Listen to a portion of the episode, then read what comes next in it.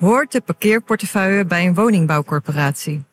Mijn naam is Venna Plezier. Vandaag ga ik het over deze vraag hebben met Maurice Kokhuis van de woningbouwcorporatie Rochdale en Daniel Mens van het techbedrijf Parkbee.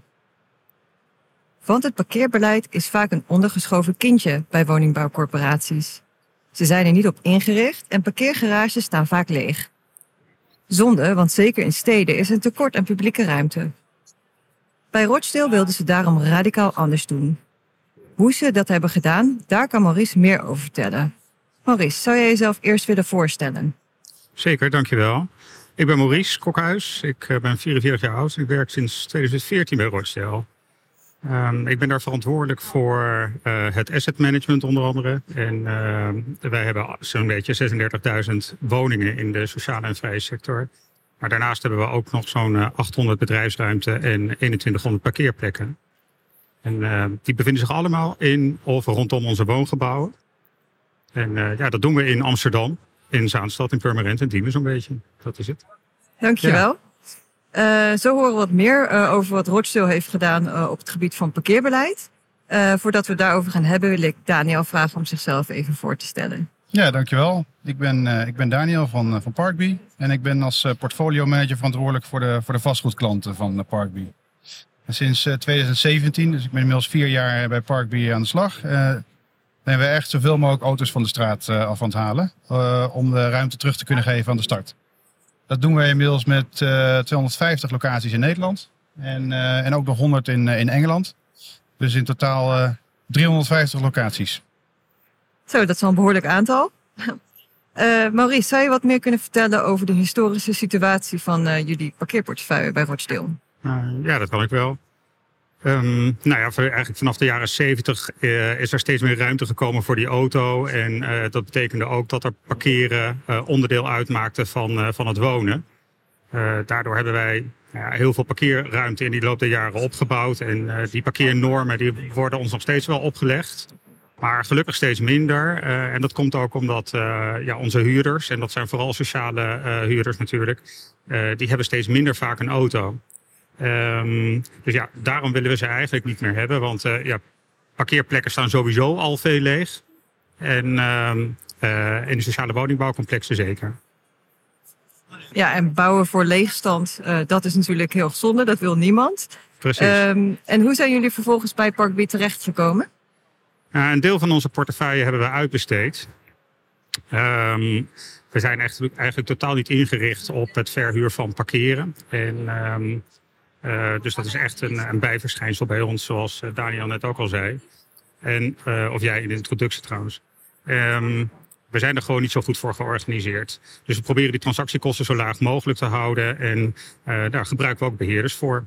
Um, een paar jaar geleden introduceerde een van onze beheerders Parkbee. En ja, daar zagen we eigenlijk meteen wel de voordelen van in. Uh, we kampten met, met structurele leegstand. En die, ja, deed niet, ons niet alleen financieel pijn, maar uh, ja, die lege parkeergarages dragen ook niets bij aan veiligheidsgevoel en de leefbaarheid. Uh, niemand neemt eigenaarschap voor die ruimte. En uh, daarnaast willen we graag auto's van straat hebben. Ook vanuit het, nou, vrij recent, klimaatadaptatie in de gebouwde omgeving. Dus ehm, nou ja, door een deel van onze parkeerplekken te reserveren voor kort parkeren kunnen we onze omzet verhogen. En daarnaast hebben we eigenlijk weinig extra exploitatielasten. Uh, een van die dingen waar we tegenaan liepen was dat met name het sleutelbeheer en toegang toch wel heel veel kosten met zich meebracht. Daar heeft de Parkbee gewoon ons ook een oplossing voor geboden. en tenslotte, niet in de laatste plaats, is dat wij wat verouderde parkeerapparatuur hadden. En Parkbee, ja, die verstrekt ons ook gebruikersdata over die parkeergarages. Nou, dat biedt gewoon meer kansen voor optimalisatie. Ja, hele uitgebreide en duidelijke uitleg. ook mooi dat je klimaatadaptatie en uh, parkeerplekken met elkaar uh, weten verbinden. Um, Daniel, kan jij misschien wat meer ingaan op de oplossingen die Parkbee biedt uh, aan Rochdale op het gebied van parkeren? Ja, natuurlijk. al heeft Maurice ook al een hele belangrijke start genoemd en dat is optimalisatie. En want we vullen eigenlijk voor Rochdale een aantal rollen. We vullen de leegstand op binnen de parkeerportefeuille. Maar we zorgen ook dat de parkeerportefeuille het dienst kan doen voor de stad Amsterdam. Eh, en daarmee uh, krijgt hij ook een, een, een, andere functie om uiteindelijk meer auto's van de straat af te halen. Het, het, het interessante daarin is dat je dat tegen zeer lage operationele kosten kan doen. Dus er zijn niet enorme investeringen nodig om dit te starten. Ehm, belangrijk natuurlijk voor zo'n woningbouwvereniging en namelijk voor de huurders van de woningbouwvereniging is dat de, huur, dat de bewoners blij blijven. Dus wij zorgen er voor hen een gegarandeerde plek. en, daar, en, en de rest vullen we op met, met mensen die daar of uit de buurt of uit een, een hele andere stad komen. En dus de auto's van de straat halen. Dat is eigenlijk al een mooie eerste stap wat je kan doen voor de stad. Uh, Maurice, wat zou voor jullie de volgende stap zijn op het gebied van mobiliteit en parkeren? Um, nou ja, een paar bekende dingen misschien. Uh, mobility as a Service en, en Mobility Hubs. Dat zijn er wel twee die ik graag zou willen noemen. Um, en dan even ingaande in deze context op het laatste. Dat nou ja, die auto's die in zo'n stad, dat is gewoon hopeloos inefficiënt. Ze nemen echt heel veel ruimte in beslag. En dat gaat allemaal ten koste van de leefruimte op straat en de ruimte voor andere vormen van vervoer. En het vreemde is dat dat eigenlijk nog steeds allemaal gesubsidieerd wordt. Dus um, als je bedenkt dat uh, 40% van het straatparkeren nog steeds niet betaald wordt. Nou ja, dat is echt best wel gek in een stad als Amsterdam dan, want er zijn er 450.000 daar. Dus dat is nogal een maatschappelijke bijdrage die je levert. Um, nou ja, als je dan kijkt naar uh, wat, uh, wat die parkeergarages bijdragen, dan zijn er ongeveer zeg maar zo'n 160.000 parkeerplekken in, in zo'n stad als Amsterdam. Maar 20.000 zijn daarvan openbaar. Ja, dan, dan zie je eigenlijk al wat enorm reservoir er eigenlijk is om te zorgen dat die auto's van straat gaan. Um, en dat is dus ook onze belangrijkste motivatie als, als woningcorporatie. We willen gewoon die leefruimte terug hebben. Um, daar maken we sterke buurten mee en dat willen we graag als Rochdale. Dus um, nou ja, uh, er zitten ook wel wat nadelen aan. Hè. Dus uh, steeds, uh, en dat hebben we in het verleden in Amsterdam ook wel gezien met die deelfietsen. En ik was laatst in Stockholm, daar heb je die deelsteps. In Parijs is het geloof ik ook. Nou, dat is één grote chaos. Iedereen laat ze overal achter. En dan hebben we weer over dat eigenaarschap. Maar ik denk ook dat daar die private parkeergarages, die stallingsgarages, een hele belangrijke rol in kunnen spelen om te zorgen dat die orde wel op straat hersteld wordt met al die nieuwe concepten. Duidelijk. Dus meer efficiëntie, meer delen. Uh, en dus een beter gebruik van de stallingsgarages voor mobiliteit en leefbaarheid. Ja, correct. Uh, Daniel, hoe zie jij, uh, hoe ziet Park B de rol van parkeergarages in de toekomst? Nou, het voorbeeld wat Maurice net al gaf, is natuurlijk een heel mooi voorbeeld, waardoor eigenlijk deelmobiliteit minder geadopteerd wordt. En dat is zonde, want wij, wij, zien echt dat parkeerlocaties, dus afgesloten parkeerlocaties, een sleutelrol gaan spelen in de mobiliteit van de toekomst. Parkby zal in de toekomst uh, van parkeerlocaties naar Mobility Hub gaan. Dus het is van iets heel saais naar misschien wel iets seksies. Uh, in zo'n hub faciliteren we niet alleen de bewoner, wel een hele belangrijke natuurlijk, maar niet alleen. Dat is ook voor bezoekers van die bewoners of voor vergunninghouders uit, uit de omgeving. Dus hij krijgt een, een andere functie. Nou, daarnaast kan je nog nadenken over de uitrol van laadpalen. Worden, daarmee worden locaties laadstations. in plaats van alleen maar parkeerlocatie.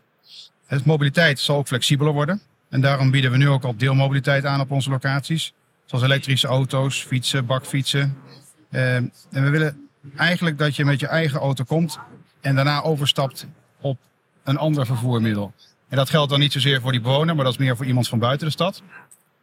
Voor de bewoner tegelijkertijd die geen fiets of uh, sorry, geen auto heeft, ja, die kan juist ook weer zo'n deelfiets gebruiken om zich uh, te verplaatsen of als hij een keer de, uh, de stad uitgaat met een auto gaan. Dus we zien de, de mobiliteit in de toekomst, die gaat eigenlijk allemaal in de parkeergarage plaatsvinden en niet op straat. En dat heeft eigenlijk nog een voordeel. Als, hè, wat, wat wij ook zien is dat al die accu's in die parkeergarages, dat kan ook nog een onderdeel zijn van de oplossing voor energieopslag. We zien dat bij veel van onze gebouwen zonnepanelen op het dak geplaatst worden. Dat willen we ook graag. Uh, we kunnen het terugleveren aan het net, maar we kunnen daarmee ook gewoon een heel groot deel van de oplaadvoorzieningen uh, realiseren. In, dit, is een, is een heel mooi bijkomend voordeel, maar wat je, wat je ook ziet is dat wij als, als, als mens moeten we ons gedrag wel gaan veranderen. Hè? Want we denken allemaal, nou, we gaan elke dag met hetzelfde vervoermiddel naar werk of naar, naar huis. en, en het is wel zaak dat we echt met elkaar gaan nadenken of dat je zelf nadenkt op zondagavond. Gewoon mijn agenda ziet er op deze manier uit deze week. Uh, die dag ga ik met de trein en die dag kan ik thuiswerken en de volgende dag kan ik een keer op de fiets. Dus het, altijd met de auto. Dat is een gedragsverandering en die moeten we ook inzetten.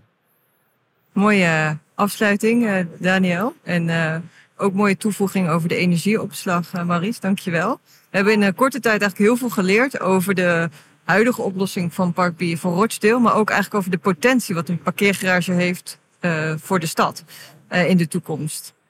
Um, dus ook de luisteraars, dank voor het luisteren naar deze aflevering. Mochten jullie meer informatie willen over de samenwerking of over Parkbee of over Rochdale, dan kan dat natuurlijk. Um, Daniel en Maurice, hoe kunnen de mensen jullie bereiken? Daniel, uh, wil ik met jou beginnen. Nou, allereerst kunnen ze me uh, vinden op LinkedIn.